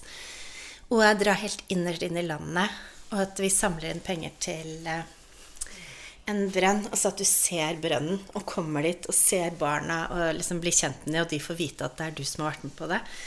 Til liksom at kan Vi tenkte å ta med noen til kaffeplantasjene i Guatemala og se hva det betyr at de får ordentlig betalt, at de slipper å jobbe som slaver. Sånn at jeg tenkte også å ta med ut til utlandet. For de som vil. Ja, sånn at de som vil, kan bli med. Mm. Og pluss noen barnehjem og sånn også. Men altså det, altså det er så givende. Så den hjertesakdelen for meg er kjempeviktig. Og så er det viktig, tenker jeg, at som jeg et, eh, kjenner en som er pensjonert eh, jurist, og nå jobber han som besøksvenn i fengselet og driver og hjelper de innsatte som skal ut med Og han, altså, han bare lyser opp. Jeg har aldri sett han lyse sånn jeg, noen gang i sin karriere. Men nå lyser han opp, for han bare hjelper mennesker som bare hadde ikke klart seg uten han. Så, og han har blitt, altså Det fins så mange steder, og folk trenger folk. Det var noe av det siste Hans Erik sa. Folk trenger folk. Vi trenger hverandre. Vi trenger hverandre. Du kan ikke tenke Nav fikser det, eller Altså, vi trenger hverandre. Vi trenger et hjertevarmt samfunn. Vi trenger å se hverandre. Så, og også det å bli sett selv. Så det Altså, den hjertesakdelen, den Altså, det kommer til å bli så vakkert. Jeg tror det kommer til å bli så mye tårer og så mye glede at Ja. Forløsende. Deilig. Ja, og, og jeg tenker det er virkelig der man kommer til å finne mesteparten av gleden sin. Og så eh, Og jeg vet mange tenker sånn Å, men jeg har ikke tid, det er altfor mye i livet mitt og alt sånt. Men det er veldig mye prioritering. Jeg tenker bare eh, at du får til det du vil. Jeg skal, da min sønn var liten, jeg har vært 100% alenemor, så pleide vi på lørdager og søndager så dro vi opp på krisesenteret. Og så hadde vi tegnesaker og sånn, så satt vi og tegnet og malte med barna der oppe. Og jeg lærte mammaen å tegne litt og sånn også. Og da hadde jeg jo alltid med sønnen min. Så det er bare fine måter å gjøre det på. Hvor du, liksom, hvis du har barn, så om du blir fosterhjem og hjelper et annet barn, og er besøkshjem kanskje annenhver helg eller en helg i måneden, og så er barna med. Eller ja. Men tenker du sånn som du, ikke sant, med, tegningen og kunsten din er jo en uttrykksform for deg, ikke sant? Ehm, og jeg tenker at dette her kan jo være med på å bidra til at andre, når man begynner å, stole på seg selv, blir mer glad i seg selv, kanskje får landa litt i seg selv, at man også i større grad tør og ikke, ikke bare jobb, og liksom, men at man også kan finne en eller annen sånn, sin uttrykksform. Mm. for noen vet jeg har masse dikt i seg. Noen har eh, ja, ja. eh, men, men det kommer Noen har ikke ut Noen seg, har musikk i seg. Noen har sang i seg. Mm. Yes, mm. alle har noe i seg. Og eh, som ligger der, den der lille stemmen, det uforløste, det som har blitt så det er, pakka på så mye annet. Det er så mye som foregår. Men det er det vi skal ta på den siste delen. Vi har ikke kommet så langt. For at etter hjertesak så er det Da er det meditasjon og pust. Og jeg har, jeg har jo lært stressmestring, så jeg har lært forskjellige pusteteknikker som gjør at du bare lager hormoner som eh, som det, får deg til å føle deg godt. Og stopper produksjonen av stresshormoner, sånn at du slutter å være stressa. Så jeg er kjempeopptatt av det. Altså jeg er veldig opptatt av meditasjon. Så jeg leste inn masse meditasjoner, og det kommer til å være meditasjoner i løpet av hele året. Eh, og så eh, er det fokusstyring. Så da er det en metodikk som heter 'Getting Things Done' av David Allen. Um, hvor um, du lærer å uh, planlegge dagene dine. Altså det er helt fantastisk. Jeg har jobbet med det i 14 år. Og det er sånn at uansett hvor mye du har å gjøre, så kan du sitte på en benk i en park og være helt rolig inni deg. Fordi at du vet at du har fanget alle ideer, alt som skal gjøres. Alt er på en måte organisert. Selv om du har masse å gjøre, så vet du Har du oversikten. Det er, helt, altså det er så bra. Eh, og så er det de meditasjonene. Så nå, det er veldig enkelt, for jeg har jo lest inn alle meditasjonene. Og så har jeg noen helt fantastiske, flinke folk som skal være med på den delen også. Men det er helt fantastiske verktøy. Så så, så Jeg har veldig høydeskrekk. Og i eh, fjor så gikk vi i den der Via Ferrata. Eh, og da brukte jeg den pusten bevisst hele tiden. Så til og med når jeg liksom så ned, og det var 300 meter rett ned, så brukte jeg en sånn pust som, sånn at jeg lurte kroppen min. Så jeg ble ikke sånn at jeg mistet følelsen i beina og sånn, fordi at jeg brukte den pusten. Og, så, og det er bare sånne enkle verktøy som jeg har så lyst til å lære bort. Og så har jeg Rebekka Nøkling der, som er Hun jobber jo universitetsnivå. Hun er jo helt rå. Og så eh, når vi er ferdig med det, da er det veien videre. Og da skal vi få ut den stemmen som bor inni deg. Og, og så tenker jeg at um, det er så utrolig viktig at eh, hjernen vår er en muskel som trenger å stimuleres hver dag. Og det å sette inn i morgenrutinen at du gir et kvarter til deg selv. Det, og da er det et kvarter til deg selv om du er kjempeinteressert i altså, pyramidene i Egypt. At du leser om de et kvarter hver dag. Eller at du har lyst til å bli bedre på å brodere, og så tar du, gjør det et kvarter hver dag. Eller, men det er din tid. Jeg har, lyst, jeg har begynt å glemme fransken min, så jeg driver liksom og leser fransk et kvarter hver dag. Og så tenker jeg når jeg, kom, når jeg er for, fornøyd med det, så har jeg lyst til å begynne å lære å spille piano, så jeg skal spille piano et kvarter hver morgen. Liksom. Men bare, hvis du gjør det, tenk deg da, etter, når du gjør et kvarter hver morgen på tre dager så er det tre kvarter. Og så på, på en uke så er det en time og et kvarter. Og så på liksom det, Tenk deg, Og du er helt konsentrert. Så det er helt utrolig hvor mye man lærer på den tiden. Pluss at det, det, er en gave til deg selv. Og det skal ikke være noe du trenger å bruke til noe som helst. Det skal bare være en gave til deg selv, liksom.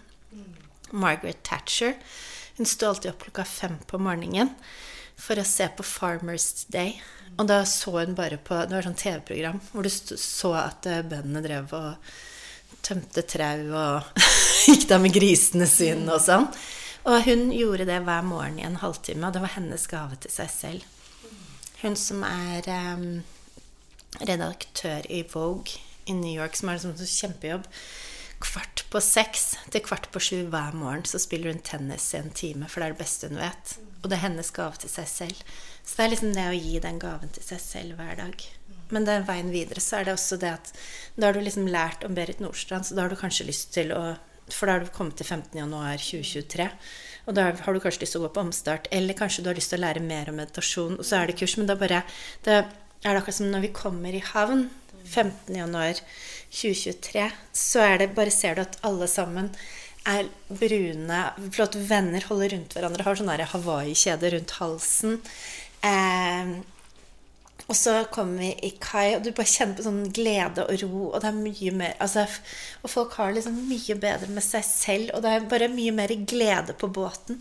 Og du kommer inn, så er det bare masse båter som venter i havna. Og da kan du velge om du vil ta en båt videre, som er kanskje å lære mer om yoga. Eller endelig ta den eh, yogalærerutdannelsen du har lyst til. Eller å Altså, du kan velge hva som helst. Eller om du har lyst til å liksom lære mer om EQ-terapi og kanskje gå i terapi, eller du bestemmer veien videre.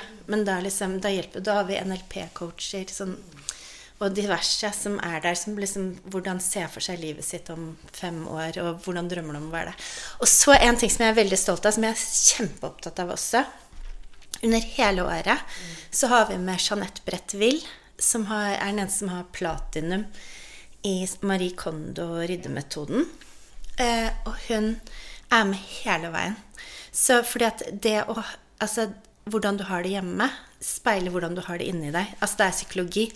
Så når vi skal eh, jobbe med egenkjærlighet, da rydder vi klesskapet. Fordi at eh, hvis du har en, Si at du har en kjole som er altfor liten inni skapet ditt.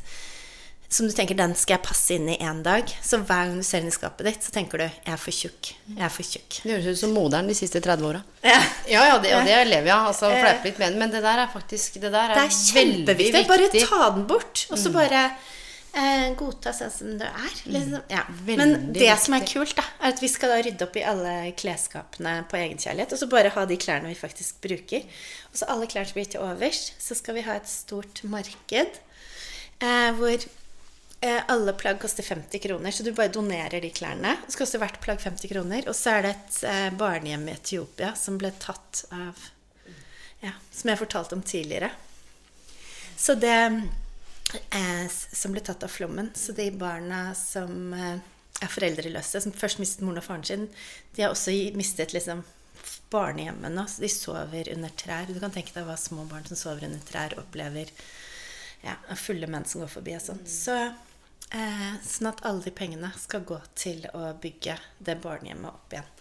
Så det er det at vi rydder i skapet, fører til at ja. Sånn at, men det er det som er at det er så sykt mye som skjer hele veien. Så jeg, det er sånn der med en gang jeg begynner å fortelle, så bare kommer jeg på nye og nye ting som jeg må fortelle. Men eh, Men essensen føler jeg Du har liksom selv, selv om det er mye, og det skal jo være mye, for det er ulike områder, og, men essensen er jo For å hente tilbake til dette med den der indrestyrte, og, og det der å kanskje få pusla seg selv litt sammen igjen. Kanskje avlært noen ting, i og med at 40% er tillært. Så må vi kanskje også avlære noe, og så begynne å plukke med de tingene som kjennes eh, godt og riktig. Og jeg tenker at det at det er mye forskjellige ting, gjør jo også at alle kan jo kjenne seg igjen i, i alt og noe. Og så har jeg lyst til å spørre deg ehm, Alt fra liksom dette med at vi kan spare 21 000 til eh, det å få eh, Ikke få, men at man kan øve opp mer glede. Da, for det er ikke bare noe du får, det er jo faktisk noe man også skal jobbe for, eller må jobbe for og, og, og øve seg på. Hva er liksom drømmen din, da? Fem-ti år frem i tid? Ja, fem, fem til ti år. Det- Ja. Altså, jeg, jeg må bare si at jeg, har, nei, det høres, jeg håper ikke at det høres flåsete Men dette her er min drøm. Jeg lever min drøm akkurat nå. Jeg føler meg så sykt heldig. Jeg jobber bare med fine mennesker som er helt fantastiske. At jeg får lov til å bare ha gode kollegaer. Jeg føler meg så sykt heldig. Og så har dette vært drømmen min i fem år. Og nå går den fra å være drøm til å bli virkelig. Det at jeg sitter her sammen med deg. Og så, så altså, min drøm så lenge min sønn liksom bare er glad, at jeg ser at han har det bra, og at han gjør valg som er gode for seg. Um, nå har jeg funnet kjærligheten, og jeg, vet du hva, jeg bare jeg, takk, jeg føler meg som verdens heldigste kvinne. Jeg bare jeg er så heldig. Så det eneste jeg vil for de neste årene, er bare å kunne hjelpe flest mulig. For jeg, jeg blir så Det er ingen det er, ikke noe det, vet du hva, det er virkelig ikke noe annet som gir meg større glede. Jeg, sy syns det er fint, eller måten du, du ramma det inn på. Det, det må ikke alltid være Vi må ikke alltid være der fremme hele tiden. For det er jo veldig vanlig, og det er derfor jeg var litt nysgjerrig på svaret òg. For man vil gjerne mer og fort, og det skal være større. Og, men det å bare Akkurat nå Og jeg bare så ja, Jeg har Akkurat jo nå, minimert så- så- meg selv, for jeg har jo kuttet ut galleriet mitt. Og, eller det er jo fortsatt på nettet, da. Men jeg har jo liksom bare showmen som jeg har vært med å bygge opp. Så jeg har bare gitt fra meg aksjene, og så tar de andre det videre. Sånn. Så jeg føler liksom bare at nå har jeg bare konsentrert meg om dette her. Men, eh, og så er det også viktig, for man trenger ikke å være trist eller noe for å være med på Destinasjon glede. Det er for alle. Så jeg tenker at uansett hvor du er i livet, om du er kjempelykkelig eller lei deg, så tenker jeg at vi alle sammen har masse å lære. Og også bare, ja, bare masse gode verktøy inni livet til de dagene som kanskje ikke er så greie. Og ikke bare for, for, for 2022, men du sa det innledningsvis òg. For, er resten for av resten av livet. Resten av livet. Og for Eh, barna dine og for alt. Og bare tenk deg all den kunnskapen som du kan lære videre til de du er glad i. Bjørg, eh, nå skal vi se hvor lenge vi har snakket sammen. Det er en, det er en, en, en god stund. Vet du hva jeg tenker? Det er egentlig kommet inn veldig mange spørsmål til deg. Eh, og vi har snakka godt over en time, og vel så det. Så jeg tenker at jeg tar vare på de spørsmålene. eh, og kan hente fram noen flere av de, og så kanskje kan vi lage en del to, eller jeg kan sende de til deg, eller fordi at det var over fire Jeg la det ut i går kveld, og det var over 453 mail og DM-er. Eh, veldig Halvparten handla om eh, takk for det du gjør, og hvordan du har fa faktisk eh, Hvordan bilder, kunst, ord, den du er, har vært med på å endre liv. Det er liksom den ene halvparten. Ja, men sånn på, på plan Folk har skrevet inn historiene sine. Ja, jeg vet det. Jo, ja ja. Og, mm. Eh, også, noen ville være anonyme, eller alle er jo med navn, men jeg har melda noen tilbake. Alt fra hvordan man har ov- overlevd kreft, til samlivsbrudd, til funn... Ja. Eh, Som er så rett inn i det du sitter og snakker om nå. Eh, og den andre halvparten lurer på jeg jobber med dette og dette, eller sånn og sånn. Hvordan kan man støtte andre i å finne glede når ikke de tror på det? Masse spørsmål. Eh, jeg som kunne vært jeg òg, men det kunne vært interessant. Og du, vi hadde jo ikke noe manus. Boka mi her med et par spørsmål sånn Er lukka igjen, har ikke sett på den engang. Hatt litt tårer, litt snørr. Eh, Opplever du ja, det, er, hva skal jeg si, det er faktisk et ledende spørsmål. Hva mer er det du har lyst til å dele som du føler du ikke har fått fram eh, om dette her? Er det noe som, som, lugger? si- det jeg vil si, er bare at det har vært en helt magisk eh, samtale og en helt magisk time. Det var utrolig flott å få lov til å møte et så nydelig menneske som deg. Så jeg forstår alle dere som lytter til henne hver uke, eller hvor ofte du legger ut podkaster. Hver uke på kjøkkenbordet vet du, sitter jeg Og Kirby, da, og hjelper til. Takk. Ja, for jeg er kjemperørt. En vakker, vakker sjel. Så alle dere som hører på som ikke har vært sammen med henne Altså, hun er like skjønn og vakker i virkeligheten som stemmen som kommer ut fra den nydelige kroppen. Altså, en engel på jord. Så takk for jobben takk. du gjør. Takk, og jeg, jeg, jeg kjenner ordene dine. Hvis det gir mening for dere som lytter. For det er slett å si Nei, men du, herregud, dette gjør jeg hver. Men eh, det betyr mye, og jeg tar det til meg. Og det å øve seg på å si takk, og stole på at det den andre sier, faktisk er det den andre sier.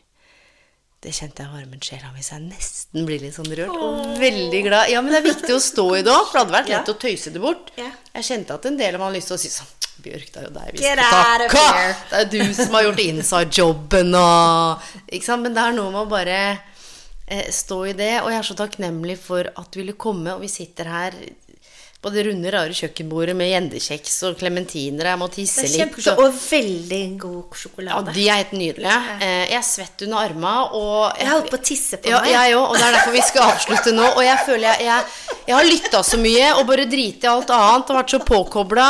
Eh, hvor, hvor kan jeg melde meg på? Det er liksom det, Hvor finner jeg dette? Gå inn på destinasjonglede.no. Ja. Ja, destinasjonglede.no. Og så på Instagram så er det destinasjonglede. Eh, det er dest og så er det podkast Destinasjon glede. Herregud. Bjørg, takk for at du valgte å komme hjem til meg i dag. Eh, og takk til deg som lytter.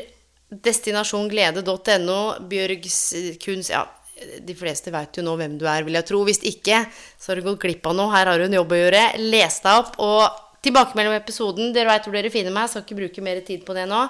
Bjørg, det har vært en fryd og en glede og en ære å sitte overfor deg. Og du har nesten noen sånne derre Du har noen sånne øyne som gjør at jeg føler at du ser rett gjennom meg. Så det var bare å puste med magen og koble av og legge bort alt annet og bare være. Tusen takk. Ha det godt, alle sammen. På gjenhør. Og jeg gleder meg, for Bjørg, jeg har bestemt meg. Jeg blir med på Destinasjon glede. Så jeg gleder meg til å se deg og deg og deg og deg og deg og alle dere som lytter nå. La oss bare hive oss på og bli med. Og jeg lurer på om jeg skal få med meg et eh, par andre òg, som jeg kjenner at eh, Som jeg faktisk skal eh, jeg skal sørge for at det blir med. Så vi ses på Vestlia. Vi ses på alle reisene. High five og high ten. Jeg skal stå der brun og fresh og energisk og bare være med på den turen din. Så alle sammen, kom igjen, da. Vi blir med på den båtturen din, Bjørg. Åh, nå ble jeg veldig glad. Ha det godt så lenge, alle sammen. Ja, velkommen. This is your captain speaking. På gjenhør, mine venner, og hvor enn du er i verden, god kveld, god natt, god helg, og ikke minst god morgen. Vi snakkes og høres neste uke.